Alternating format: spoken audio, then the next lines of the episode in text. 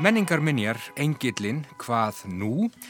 Örlítið um Peter Handke og Albert Camus í Víðsjá í dag og kannski sitt hvað fleira ef að tími vinst til.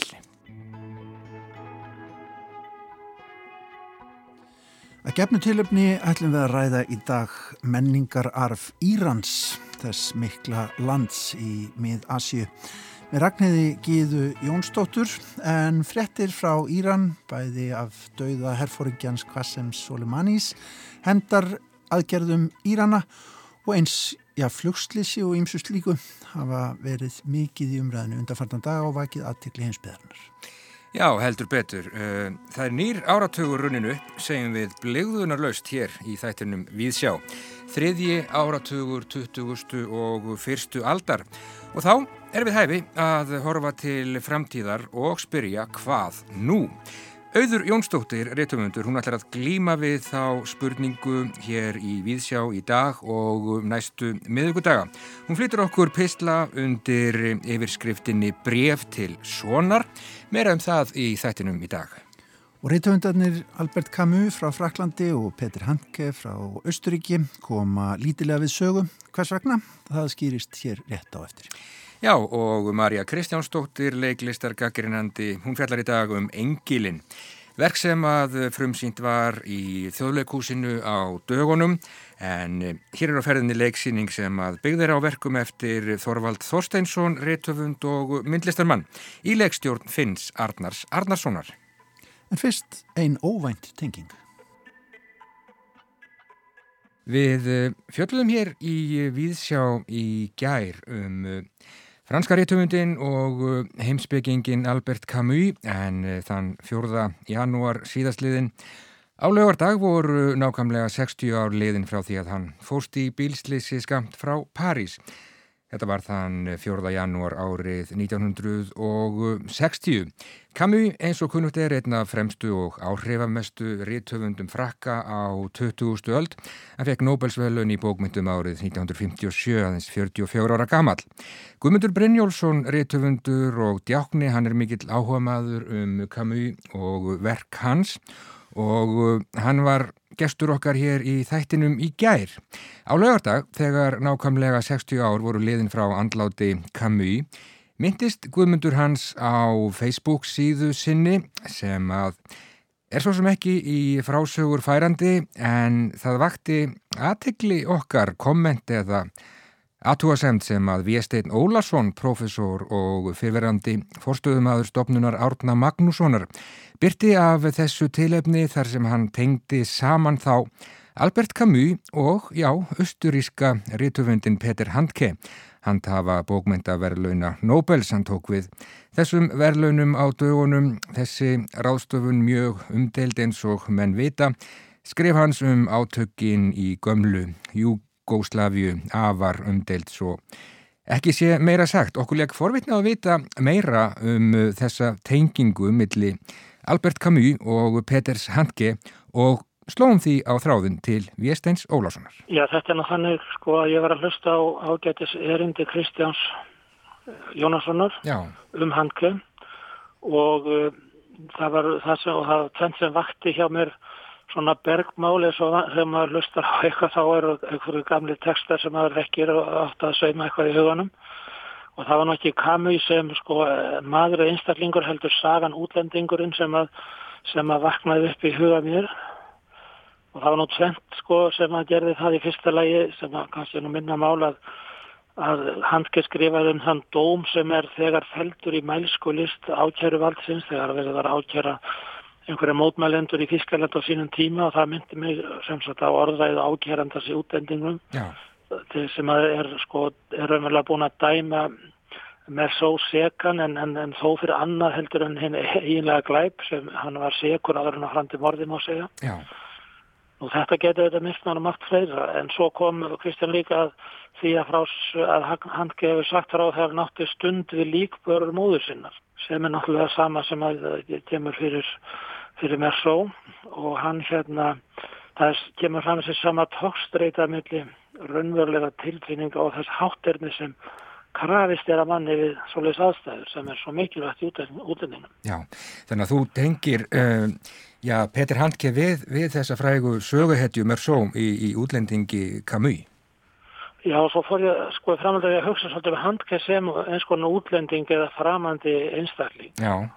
Því það er nákvæm akademisk frásörna lífi þar sem getur enga veginn útskýrt þetta ótrúlega uppáttæki að fara að halda ræði við útför Milosenko. Já, Milosevic. Það er eiginlega sambærilegt fyrst með að skandalisera við líkvarum móðusunna. Já, nákvæmlega. Það, það getur heilt vini Handke segja við hann, nú getur það allir verið vissum að þú væri aldrei Nobelsvöldurinn. Já, nákvæmlega. Þannig að Petur Handke, hann kemur sér einhvern veginn í, já, Kristján lísti þessu nú mjög vel í sínum þætti sem var hér í Jóladagsgrá Rása Reitt, eh, skáldið og hinn svo kallaði heimur. Handke, hann kemur sér í eh, einhvers konar já, stöðu útlendings og það var nú svo fallegt í þættinum hans Kristjáns að hann í raun og veru tók ekki afstöðu, heldur, heldur lístan þessu eh, fyrir okkur þessum skrifum handkessum átökinn í gömlu Júgoslavíu sem hafa auðvitað vakið harðardeilur og og margir telja það auðvitað mikil mistök að láta hann hafa Nobelsvælun í bókmyndum en, en Kristján fældi engan dóm. Já, mér þarf Kristján gera þetta mjög vel. Já. En svo þegar framhaldið sem var að segja það náttúrulega að þetta manni ennitt aðtökk í hjóðsinn þegar nú ganga gegn allir kynsið með það það er svona að tala um að það má segja en háæru verða að Nobels nefnd, hún hefur staði kjóla og hvitt með buksunar á hælunum í heilt ár. Mm -hmm. Svo ætlar hann að fara að hísja upp þessu buksunar að vera ærverð aftur og hvað gerur hún þá? Verðluna mannin sem skandaliseraði fram fyrir enn vestarinn að heimi. Já, nákvæmlega. Og maður getur spurt sig að það snildar bara við að verleika fyrir hinn.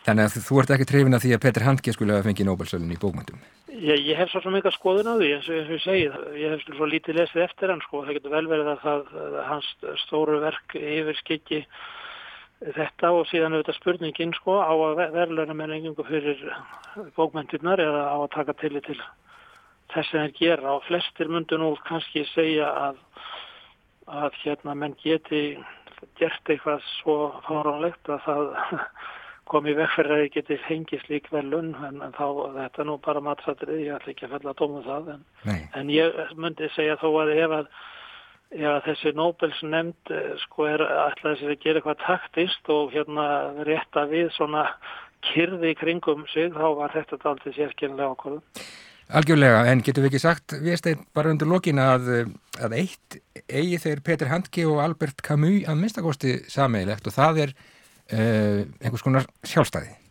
Kjarkur til að taka sjálfstæða afstöðu. Jú, nákvæmlega. Já, nákvæmlega. Viðstein Ólason, uh, það er greinlegt að útlendingurinn, hann virkar ennþá og uh, að sjálfsögðu hvetjum við hlustendur til að lesa þá bók, hún er ennþá leikilla því sem að mögulega gerist í kringum okkur, eða hvað? Já, ég held það og ég ekki nú viljum benda endilega á það til þessi frábæra tvímála útgáða aðinni með þýðing á íslensku og franska testanum fyrir þá sem að geta stautað fransku en er ekki alveg fullfærið, þá er hún alveg frábæra að hafa.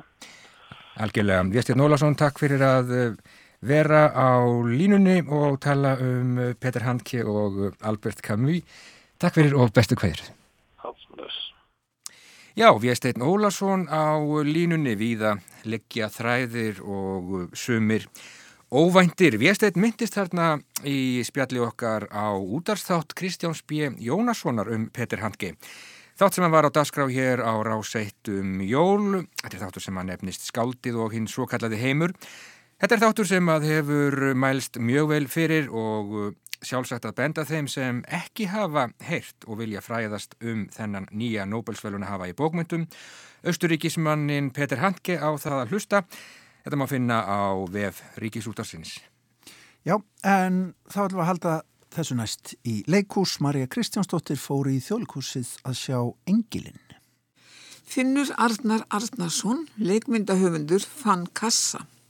Í þeim kassa voru bækur, síningaskrár, handrit, uppkvösta leikverkum, fyrirlesturum ljóð. Lífstarf eins manns í kassa. Myndlistamannsins og leikskálsins Þorvalds heitins Þorstenssonar. Úr þessum heimildum hefur Finnur Arnar nú ofið síninguna Engilin sem fremsýnd var í öðrum kassa, kassanum í þjólikúsinu 21. desember síðastliðin. Sýningin kvílir á þremur megin textabrótum í bland við Ímis örverk, ræður, söngva en vísar einnig hljóðrænt og myndrænt í innsetningar og görningar Þorvaldar. Enda kom Þorvaldur víða við í sköpun sinni. Hann var í leikverkonum lærisveit Guðmundar Steinssonar að því marki að hann hlustaði líkt á lærivæðurinn eftir talmáli kvöndagsins en reyndi eða náði aldrei eins og Guðmundur að stækka samtölinn í beitta samfélagsgagrinni. Þorvaldur leik sér sem sagt gerðnan að klísjónum sem hafa völd yfir máli okkar og hugsun. Verkans samtölinn oft einn stillimynd frekar en gjörðir skopmyndir á fólki, oft ljúvar viðfelnar eins og hann sjálfur, segja okkur kannski helst hvað við erum nú öll skemmtilega vittlaus. Það væri bara móðgum við hið látna skáld að reyna að tróða þeim í einhverja reglu eða fagur fræðilega kema eins og hann barðist harst gegn öllu slíku síðustu árin sem hann líði. En það gerir finnur Arnar það ekki. Hann veðjar á það ótamda stundum næstum óskiljanlega eins og morðin í byrjun sem vísa sennilega í gjörningin hver deyr flottast en þar fellur fyrir kúlnarþýði leikarahópur fyrir fram að laða af neytjahlutum sem söfnuðust reyndar í gám í sorp í nóver og eru nú orðnir að leikmynd leikmunum og vísa í annan gjörning Þorvaldar tapar fundið. Þínast bristinn og þrammar niður ofur háan járstiga til vinstri á sviðinu þunglamalegur reykafari með grímu og rauða bók í hendi. Einn úr hópnum vaknar úr rótinu, hún guður og snæfrið og hefur nú lifað af bruna en ekki skotrið. Hann réttir henni handrit og hún fyrir að lesa og upphefst þá eitt af skemmtilegu samtölum kvöldsins um hlutverk slökkvilísins í samfélaginu. Að því loknu hverfu reykafurinn úr sögu og kviknar þá einni á hinum leikurunum, leikstjóri fær handreit í hendur og byrjað er að feta sig eftir því. Er þetta finnur Arnar eða Þorvaldur í gerfi reikafarans spyr áhörfandi sig og úr hvaða brunarústum rýsa hinn er dauðum. En hvað er það? Reykjavarar í fullum skrúða gegna áfram af og til stuðningshlutverk í síningunni og eiga eina ískrandi finna innkomu sem þrýr gítarleikarar í þrjumandi músikatriði hönnuða Pétri Ben og Elvari ger sæfarsinni undir textan Hvað ætlar að verða þegar þú erður stór? Finnur Arnar hefur sagt að hann leggir til grundvallar í sviðsetningunni hlutverkin búningarna sem mönnum er stöðugt þröngvað í en leikmyndin þar sem heimur leikúsins baksins er í forgrunni í fyrstu, leikar ræfa fari búninga býða, þar til hinn heimurinn leiksviði sjálft opnast svo snildalega, gefur til kynna aðra grunnhungin til viðbótar. Hvenar eru leikar að leika og hvenar eru leikararnir ekki að leika? Hvað er leikur, hvað er veruleiki?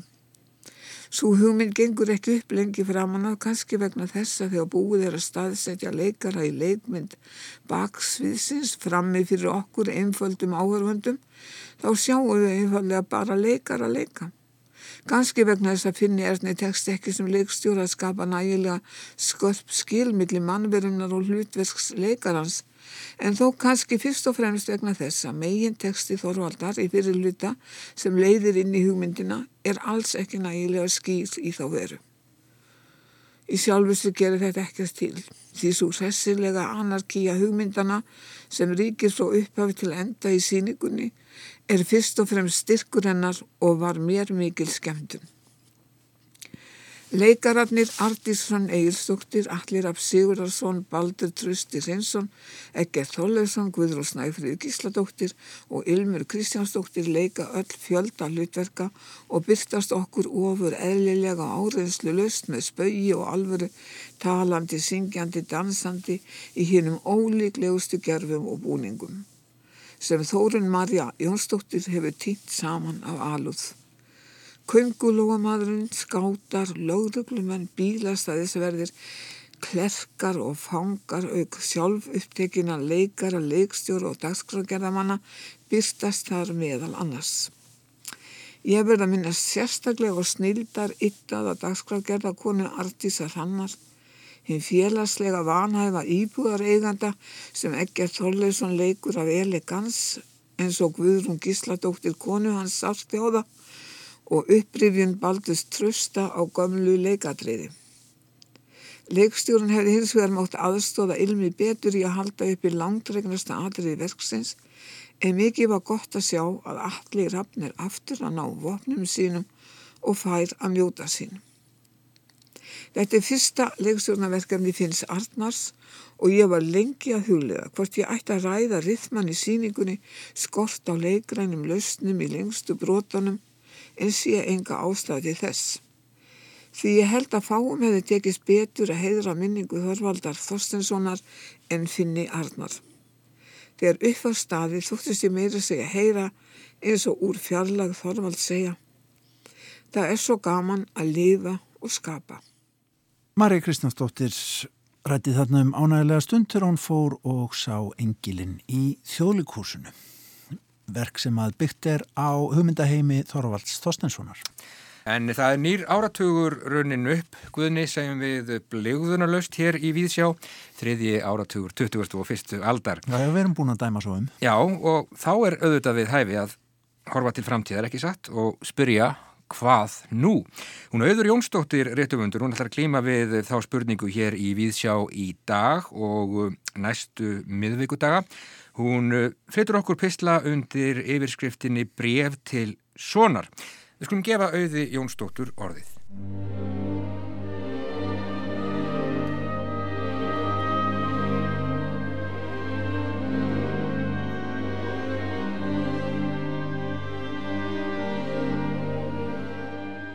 Kæri sónu minn, þegar ég hugsa um framtíðina, hugsa ég um þig. Hugsa um þig og spyr út í loftið hvernig verður framtíðin.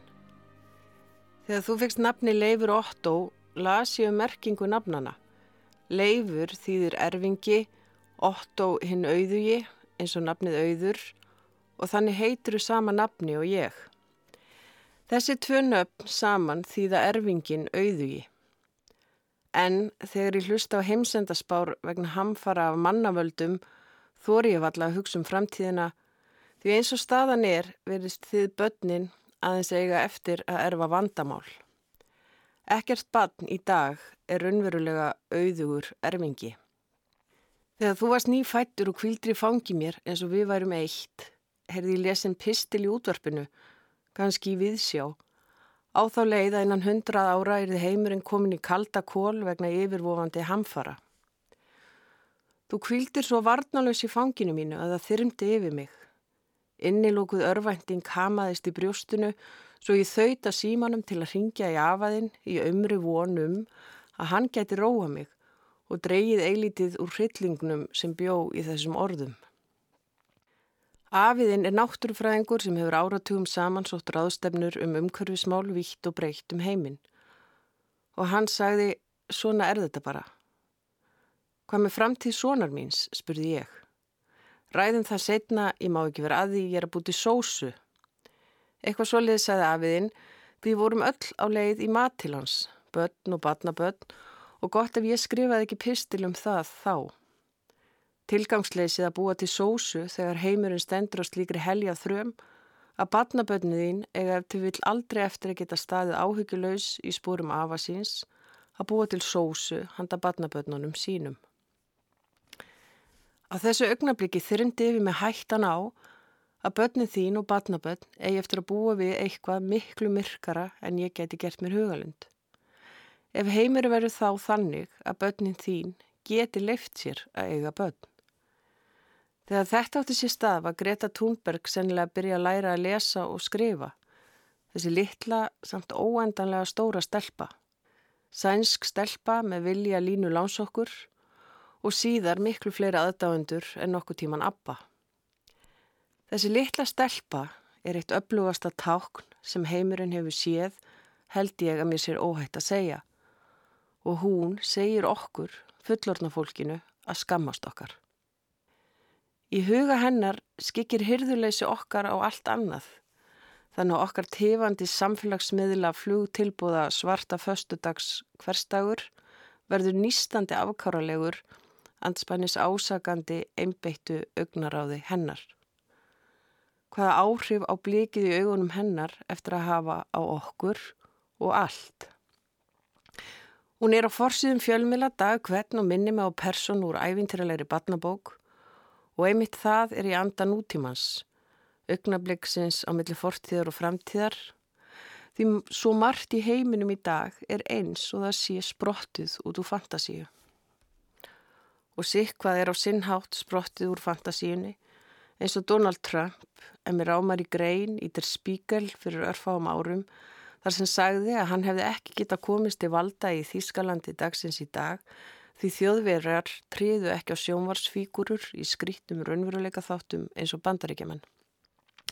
Hann hefði komist til valda í gegnum sjónvarpið í raunveruleika þáttum sem þó eru skrum skæling raunveruleikans, fantasia, dölbúin í raunveruleika og samt ekki þessi raunveruleika þáttur varð að óþægilega miklum raunveruleika Svo nú takast Trump og Greta á um almenningsáletið á Twitter. I wish you could go to Greenland. Uh, watch these huge chunks of ice just falling into the ocean, raising the sea levels. And you don't know whether or not that would have happened with or without man. You don't know. Well, you're scientists. You're scientists at no, NOAA we have, we and have NASA. scientists that disagree with that. Batnalegi fórsetin og fullorðinslega batnið. Einn fórsíða samablaðast til Spíkel vekti aðtikli árið 2016 mynd af brennandi höfði Trumps að stíma á jörðina eins og sprengjukúla.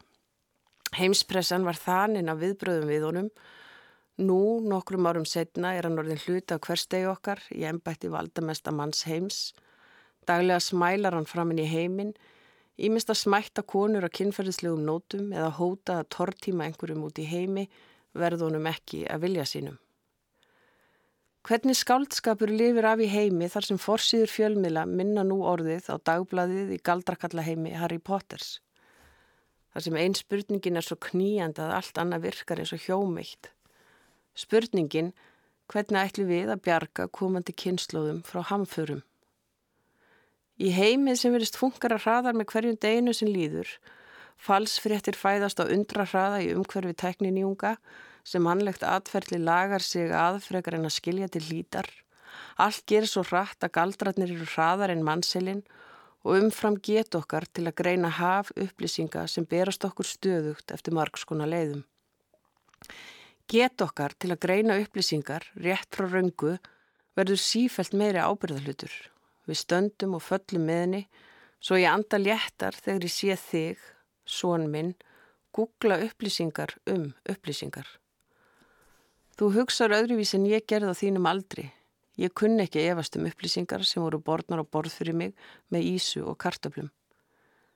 Já, ég sé þig. Áttar á són minn, leika með tæki eins og ég leik mér með barbidúkur. Í hvert sinn sem eitthvað áhugavert er á góma, grýpur þú síman til að googla upplýsingar um það eða spyrja Siri nánar út í það.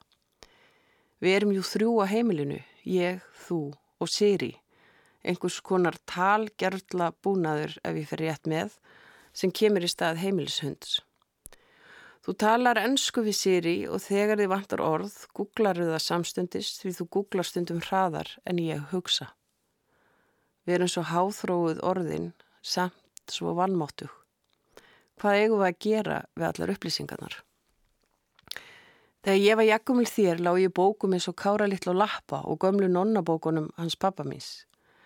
Í sjálfu sér var veröld mín ekki svo fjarrri söðskinskóa veröld þeirra þar sem lögmálinn virtust fyrirsjáanlegri en nú samanbúri við hversu fjarrri veröld þín er þeim heimi. Veröld þar sem þú les stöðugt eitthvað á netinu, tilkynni mér óvæntustu hluti sem ég hafði ekki hugmynd um og spyr mér spurninga sem ég skil ekki. Síðan tilkynir mér að þú sést farin á æfingu hjá krakkaveldi, pólitískum leikópi badna til að fræða fullorna um loftlagsvana. Stundum finnst mér þú vera eldri en ég. Bráðum nýjára að því einhverju leiti skiluru heimin í dag betur en ég. Hvernig bækur á kynsluðin þín eftir að skrifa? Hvernig verða bíómyndirnar ykkar? Hvað er þið eftir að fæða af ykkur svona upplýst anspannis hrigalegum veðurskilirðum?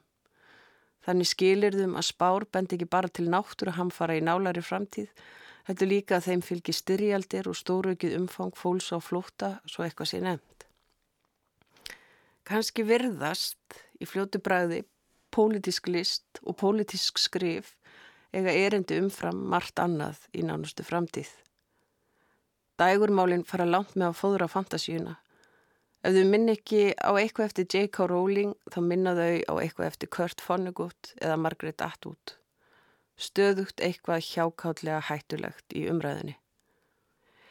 Þegar Trump mámst í valda heyrðist reglulega að nú væri veruleikin farin að minna óþægilega á The Handmaid's Tale eftir Atwood, dystopíu um heim þar sem trúaðir íhaldsamir kallar hafa tekið völdin og búið til afgerandi feðraveldi þar sem konur eru einungis til undaneldis. Þessa bók segist Atwood hafa kokkað upp úr veruleikonum. Allt þið óhugsandi í henni gerðist einhver tíman, einhver staðar, í einhverju samhengi og því er hinn lígilega saga þrátt fyrir allt svo trúverðug.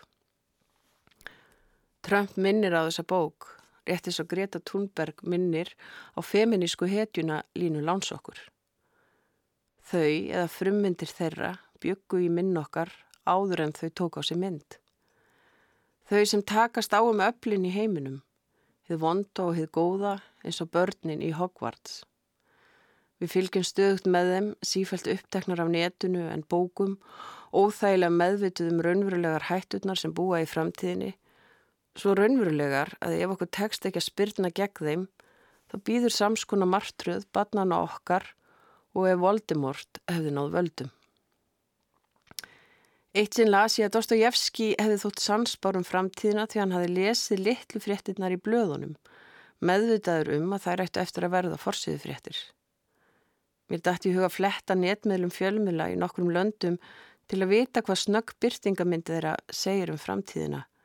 Þessi síbreytilega hrúa fyrirsögnum sem renna allar saman svo litla fréttir verða stórar og stórar litlar. Ég kíkt inn á vefmiðla Der Spiegel, El País, The Washington Post og Politíkan. Byrtingamind núsins á þessum miðlum voru fréttir af Trump sem gæti hafa kynnt undir styrjöld á meðan hann var í gólfi og létt drepa einn valdamestamann Íran í drónárós og svo skóareldar í Ástralíu sem eru saðir stafa af loftlagsbreytingum. Ástralíu brennur stóð einhver staðar. Þessar helstu fréttir miðlana slóu ekki á óttanum að Greta Thunberg hafi rétt fyrir sér þegar hún bendir á okkur fullornafólkið og segir okkur að skammast okkar. Óttanum að við höfum eitt framtíðavonum hennar og þín, litla stráksins míns sem likur sofandi við hlið mér og meðan ég skrifa þetta og vona að það sé allt ímyndun. Bull í kollunum á mér. Ég reyna að segja við sjálfa mig að ég sé bara fabúlera það sé allt í lægi með veruleikan, hann sé ekki floknari en hann virðist í fljótu bræði. Þetta, kaffi ilmur í loftinu, dingir í vinnuvélum sem byrjuði snemmalaga gödurnar úti, skól eftir klukkutíma, ég á leið í fyrsta tíma ársins í ræktinni. Er ekki allt í lægi með lífið? Nei, segi lítil en samt svo stór stelpa á ennsku með sænskum hreim. Og ef ég myndi spyrja þig, átt ára són minn, hvort það væri ekki allt í lægi með lífið, framtíðina, okkur, væri vís til að segja spyrjum Siri. Og Siri svarar eins og talandi hattur eða bók svarar Harry Potter. Þráttur er allt er ekki hægt að segja annað en nútíminn sé ævintrælegur. Svo ævintrælegur að ég held í vonina og okkur takist að galdra ráð við okkur sjálfum. Og svo þú verður ekki allt og hrættur þá vil ég líka segja að nú er svo margt betra en það hefur nokkuð tíma verið. Við skiljum svo margt sem við skildum ekki áður og nú geta heiladnir í okkur tala við tæki og í samspili því á kannski eitthvað líka stórkoslegt eftir að gerast. Ég leifi mér að trúa því ég trúi ennþá á ævintýrið. Að morgundagurinn geti komið okkur á óvart líka á góðanhátt. En það segi ég bara við þig því þú ert sónu minn og ef ég tek frá þér vonina um góða framtíð, þá hverfur allt. Ég veit ekkert. Ég vona, ég óttast. Ég veit aðeins eitt að hugmyndaflug mitt á aldrei eftir að ná utanum framtíðina, frekar en hugaflug fólks á 17. öld, hefði aldrei getað séð fyrir sér tækni, ógnir og furður dagsins í dag. Ég spyr Siri og Siri svarar Þú ert auðug að eiga erfingja. Hann er framtíðin, ekki þú. This is all wrong. I shouldn't be up here. I should be back in school on the other side of the ocean. Yet you all come to us young people for hope. How dare you?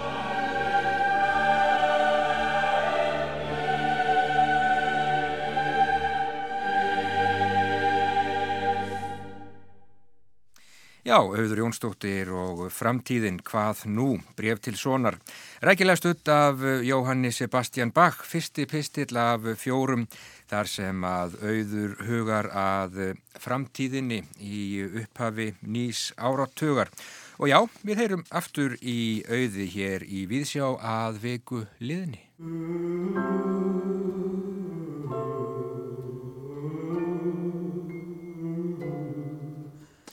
Bach er eitt, Elvis er annað 85 ára í dag síðan að Elvis blessaður fættist kongurinn sjálfur Já, hann fættist 8. januar árið 1935 Já. í bænum Tjúpiló restin er nú bara eins og gamla testamentið mann er ekkit utan um það Nei, við ætluðum að láta Elvis hljóma hér í þættinum og þú, ég ætlaði að fara að vasast um það rétt á þann hvaða hérna, lag við ætluðum að spila þú varst ekkert alveg til í það. Það þarf að líka hans yfir svona ákvörðin Já, það tók mig sólarheng að velja sem sagt tvö lög úr þessum mik mikla katalóg. En það má nú nefna það að, að það eru hátíðahöld í Greisland, Memphis, Tennessee heimili Elvis uh, Presley á þar sem hann bjóð það verður bóðið upp á tónleika og það er upp, verða upp og það sem að á að bjóða upp skartgrippi og fött og eiginhandra áriðanir og gólfkerrur og sitt hvað fleira. Er ennþá eitthvað til að þessu dóti? Já, það er, já, já. búið svona til ennþá kannski. Það er slatti til ennþá en svona náttúrulega margt hann sem að tilherir húsinu sjálfu Greisland sem að Lísa Maria bara á og það verður ekkert, það reyfist ekkert sko. Mm. En svo eru munir sem að koma þarna inn frá þá einhverjum þriðja aðila, einhverju samtgripir sem að voru kominir þá úr eigu fjölskyldunar og Priscilla Presley hún er ekki þarna langt undan þannig að það menn er að halda upp á þetta í dag og næstu daga. Mm. en eins og veiskunni þá eru nú ymsir á því að Elvis hafa aldrei farið. Hann sé enn á meðalvor og það er ennþá að byrjast sögur af því eh, af sjónarvottum. En séðist að séð Elvis eh, á veitingastöðum í stormörkuðum. Eh, sumir hafa þóst hafa séðan á reyðhjóli í Central Park og eh, á gólvelli í Flórida uh, einhverjir segjast að það var síðan vaska upp á veitingastæði í San Francisco Býta áttu við að þú hefur ekki hitt hann? Uh, nei, ekki en, en þetta er náttúrulega allt dásamlega della en segir samt svolítið mikið um það hvernig uh, hversu svona stóran sess hann skipar í, í hjarta þeirra sem að sem að á annað borð hafa heitlast af hans tónlist, hann er, hefur einhvern veginn aldrei aldrei farið -hmm. Hvað ætlur að velja fyrir okkur? Já, hérna undir okkur þá hljómar lag sem heitir First in Line og þetta er Elvis fyrstur í röðinni, er og verður fyrstur í röðinni og við skulum hafa þetta bara á mjúkunótonum í dag, við skulum heyra lag sem að ég held að fáir það ekki, það heitir Suppose. Já, við skulum heyra það en svo förum við eitthvað allt, allt annað. Hlustum. Suppose no rose would ever grow again Suppose no brook would ever flow again. Suppose no star would ever glow again. Suppose you didn't love me. Suppose there were no bees or butterflies. Suppose no bird should ever cross the skies. Suppose the sun should never, never rise. Suppose you didn't love me. It's impossible to imagine a world without a star, but imagining of you is more impossible by far. Suppose the springtime never should arrive. Suppose the tall green trees should not survive. Suppose I had no wish to be alive.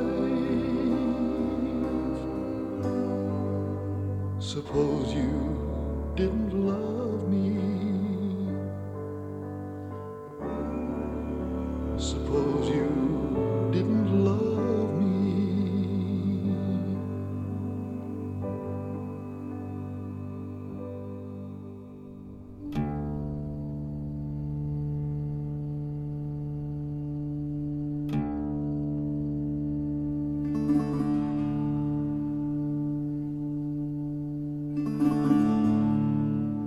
Fréttir frá Íran á undanförnum dögum hafa vissulega vakið aðtikli heimsbyðarinnar. Það er að mörg að taka uh, hryllilegt flugslið sem var bara fré, í fréttunum í morgun og svo þessi árás á hátsettan hersöðingja í, í, í íranska hernum og síðan hemdaraðgerðir Írana og árásir á, á bækistöðar í Írak sem hafa bara staðið í nótt meiri segja þannig að þetta eru atbyrðið sem eru í mikillir deglu þessu dagana.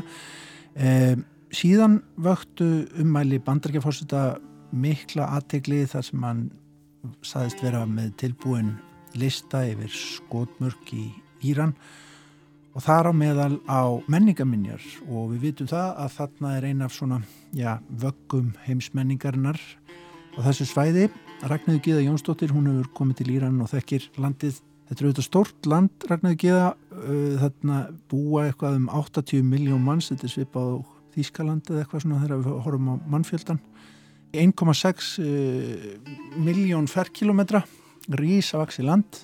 Ægi fagurt. Ægi fagurt. Uh, já auðvitað þetta vakti aðtikli þína eins og, eins og fleiri ekki sett Jú að sjálfsögðu og líka þessi hugmyndaheimur valdamestamanns í bandaríkjanum um að þetta séu íransk uh, menningarvarmæti Já. 22 þeir eru á alheimsminjaskrá UNESCO Já. og við eigum hvað þrjú eða fjögur á þeirri heimsminjaskrá. En það er bara toppun og ísjakanum. Þar fyrir utan er þetta náttúrulega ekki íransk menningararleir þetta er menningararleir heimsins. Þetta er okkar Já. og þannig er, er þetta land staðsett þannig að það hefur með þeirri menningu sem er innan þessar landamæra sem við drögum í dag þá er þetta svo menning hún hefur haft áhrif í ímsar áttir Já. uh, upp til Rústlands og í allar áttir. Já, akkurat, allar, allar áttir út frá þessu landi. Og menningin í landinu við hliðin og það sem líka geisa átök Írak, það sem Mesopotami er. Akkurat. þetta eru svona gerjuna svæði. Þetta er saman deglan. Þetta er sama degla hvað viltu fara langt með okkur aftur? ég veit ekki, sko, ég vil bara eitt er náttúrulega að lesa eitt og annað bókum en það er svolítið öðruvísi að hafa verið þarna og ferðastöðum það er eiginlega allt menningarsögulegt. Ég get nefnt uh, til dæmis Gólistanhöllina í Teheran þjóðmínasafni í Teheran listasafni, nýlistasafni í Teheran Teheran sjálfa og er hún þó bara frekar nýborg svona mér að við Já, hvað á ég að byrja? Ég kom til, ég kom syðst til Sýras. Það er einhver elsta byggð í Íran. Það má ég að segja að hún sé öll menningaminir. Og allt umhverfið þar ægi fagurt. Þaðan fórum við til Jast, sem er eilítið norðan, en þetta er allt svolítið sunnalega Íran. Í Jast eru til dæmis eldhof þeirra sem að eru hlindir undir Sara Þústrasið. Þar er glæsileg úlvaldalestar uh, miðstöð, Karavanseræ. Þar áðu viðskipta og verslunamenn á silkileðinni Já. með farangusinn og, og hérna og hjörðina, og hjörðina og þar voru úlvaldarna gemdir og þar voru hótel fyrir þessa veslunar og viðskiptamenn og þar uh, syndu þeir starfum sínum og, og hittust á mannamótum. Þetta er ægilega glæsilegar byggingar og miklar. Og þar eru, þar eru líka skamt frá turnar þagnarinnar. Svolítið sérkynlegt í Sara Þústra siðforðum að þeir reistu turna yfir látna og efst á turninum var líkið sett. Þá máttu gammar koma og nærast á holdinu en beinunum heldu eftirlifundur til haga. þetta er svona stendur alveg sér í ett fyrir utan borgina. Já. og hérna og það er einhvern veginn svona þögn yfir allir þessum stað. Já. en ákaflega já, þetta er þetta stór manginsögulegt sko.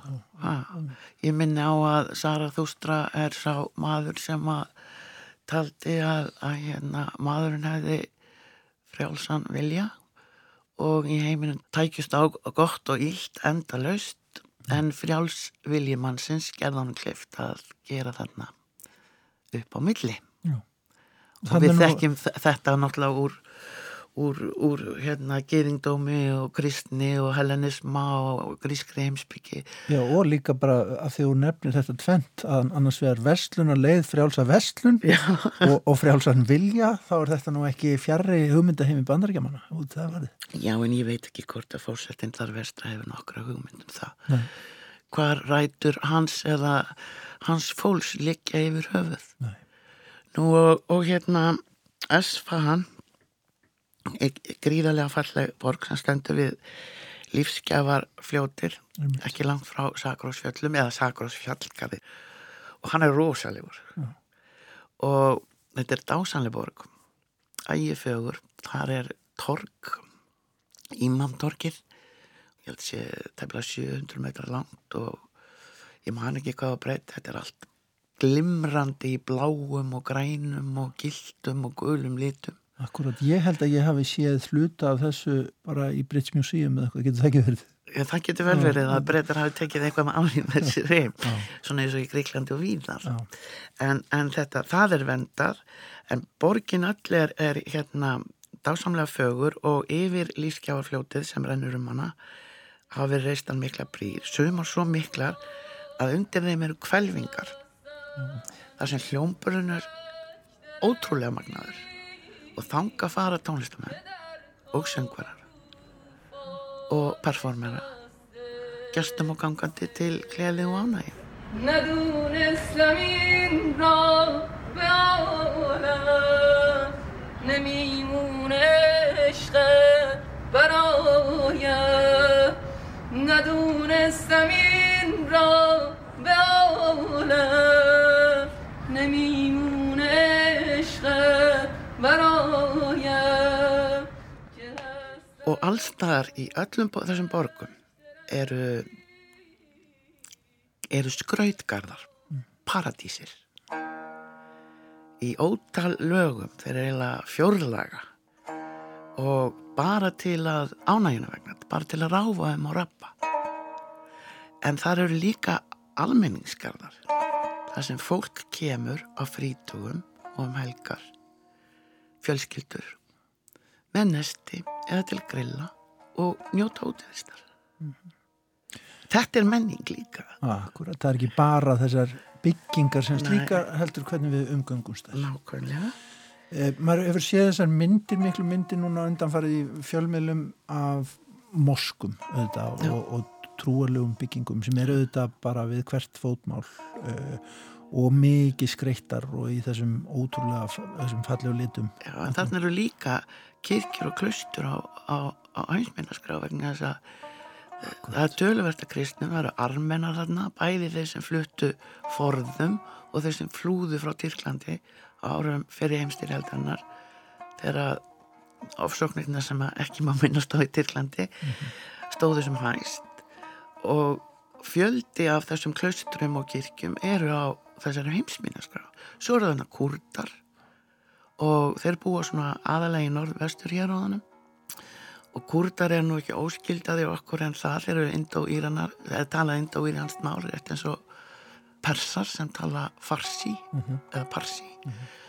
Og þetta eru mál sem eru svo skild okkur að til dæmis í kurdísku er orðið yfir silfur þráð sím. Ég má hundur heita ef að hlustundur við sjár veit ekki hvaðan við höfum orðið síma uh, þeir skamt frá þeirra byggð er gamalt allasværi sem er reyndar ekki heimsmyndarskrá en sögulega mikilvægt. Þetta er eina af vetrar eða sumarhöllum persavalda á öldum áður. Nú forðum tókust persar og metar á um, völdin í landinu og kurdar höfðu lengi betur eða metar og þannig til að Persi að nafnin Kírós senna mikli sigraði afa sinn Mentakong á völlunum við þar sem nú er Passargati. Og þar er letan síðar Kírós síðar reysa höll og listigarða og þar er grafísið hans. Og þetta er allt heimsminjar. Ekki mjög langt frá þeim stað er Persepolis sem að hann og Darius fyrsti tóku síðan til við að reysa á sínum tímum og Alexander Mikli og Þæs hettir aðeila hjá kona på Tólumæjusar kvektu í góðu partí og síðan hefur nú ímislegt fleira hérna unnið á þeim rústum en þær eru stórmerkilegar og ægifarar. Mm. Og dásamlegar myndir sem skreita vekkina ekki síst til að hampa völdum og og öllum þeim undirsátum sem lúta persavaldanum og vangjaði menn og vangiljón og þessar vangjaveru sem að við og mengila mm. Sko, bara þegar þú telur þetta upp og maður bara heyri strax á örtuðtri upptalningu og ég veit að við getum ekki farið við þetta allt saman og árþúsunda sögu á sveðinu en þetta er eitthvað sem maður hefur aftur og aftur gripið aðtikli mannkins. Við eigum þannig sögur og upplifanir sem eru samanlegar mm. og, og einhvern veginn hafa ferðast við það. Hafa ferðast við um þú, þú, þúsund og, og hérna, einanótt og við eigum ljóðskaldin sem við þekkjum vel. Mm -hmm. hérna, Við eigum, segir það Við eigum, Já, við, við erum mankin Já, Við erum ekki bara Íranir og Amerikanar og, og Íslendingar og, og hvað, við erum mankin Já. Og þetta er okkar arfur, þetta er okkar saga. Og sumir kæra sér ekkit um að ekki hann eða, eða vita. En, en það er einhver skilning á manginni að, að kunna hann einhver skil á henni. Mm -hmm. og ég er ekki vissum að ástandi í heiminu var í dag eins og það er ef að fleiri en bandaríkifósiti glukkuðu stundum í bækur sínar og áttuðu sér á hvernig heimurinn er samansettur af hverju og hvernig fórsaðan hans er. En ég meina þetta, þetta er endalust því að nú er til dæmis eh, Kassim hann var ekki bara sko þessi mikli og, og, og hérna og valdamikli herfóringi hann er erki sín hann er erki stríðs sín mm. og það sem hefur gæst á síðustu árum í Íran er að sérstaklega unga fólkið er ekki lengur gynkæft fyrir einhverju svona samþver trúarlegu hugmyndinni mm. en persa hugmyndin sem að Kassim þótti standa fyrir hún er sterkar í þeim svona persnest stórveldi á svæðinu já, já. og kannski að aðstu valdamenn í í Íran séu núna aðeins að notfæra sér það vegna þess að, að þeir trúarlega eru hrættur um að messa tökinn en þá geta það stokkið á þetta. Já. sem er svona þá einhvers konar kölluna þjóðurnisíkju þjóðurnisíkju eða einhvers konar samstöðu nú þegar ábjátar og á þeim standa öll spjót þú sást mannfjöldan, miljónirnar sem, sem kvöttu Kasím. Og tróðust með þessu undir. Já. Já. Það er engin alveg salt jarðar. Nei, nei, nei, heldur betur ekki. Nei. En kannski bara upplifun þín að því að koma til Íran og fólkinu, að fólkinu í Íran. Ég var alveg stórkoslega þess að þegar ég hérna ókvistnum kvöndur til hérna og gekk síðan. Ég held ég væri að fara til svona trúar lands. Já svona þingsla þingsla, nei, nei, bara allt blik, blikkandi neonljós út um allt ja. auglýsingar og djöfulgangur allir í gemsónu sínum eða hvað það var -huh. og, og konuna það snúa sig út úr sko klæða reglunum margar, eða sérstaklega konunar í Teheran sko, þær, þær eru vissilega með slælur en þær eru í þrengum uh, hérna jökkum svona um það byrj niður á lær og reyra mitti í mittið og svo bara í gallabuxum og berfættar á áhælum samtalum en naklalaka þær Mhm. og þetta var bara eins og hver hann stórborg sko. Já. Og fólki opið? Já, þeir sem ég hitti og talaði við voru ófeimnir við að tala við útlending. En þeir voru mis, sko þetta er bara fólk eins og við kunni þeir eru ekkit allir svona alveg þú veist með bara þingsli trúarbræðana á ákslunum Nei. þeir eru bara eins og við. Jú, jú, halda jól og eða sem sagt halda sínar sitt ramadan og, og halda sínar hátir en ekki þrúaður af trú. Ekki svona venjulega fólki sko. En kannski það að lokum að já, eiginlega bara tala um það að springja á vísundandi máta menningaminjar. með fallegustu og bestu vopnum sem að, sem að til er í heiminum Þessum stórkoslega her. Já. Já, það er sérkjænlega hugsun en það er svona ein leið til að eigða sögunni Akki er eittu trjóu kannski um 1300 ára fyrir kreist Rómveri reytu Karthagó stráðu salti í. Þetta er ekki nýtt. Nei, nei. en þess eftir síðustu öll þá náttúrulega var mönnum ljóst að nú gekk betur en nokkru sinni fyrir að eigða þannig að menn settu sér ákveðna reglur um að að menningarminjar það eru stríðsklæpir að tortíma menningarminjum. En það er líka stríðsklæpir sko að setja stað á hennum til landi. Mm. Selja börn í þrældóm Það Man- ýmislegt mansal gert. Einmitt. og náttúrulega pyntingar og hvaðina og hver fer eftir því Segjum þetta gott af Íran í bylið, það er alveg ljóst að, að þarna liggja rætunar. Þarna liggja ræturnar og mér fannst sumstna sérstaklega í öðnunum og þegar ég sá til fjalla að ég væri komin heim. Takk kjærlega fyrir komin í vísjá. Ragnarður Geða Jónsdóttir.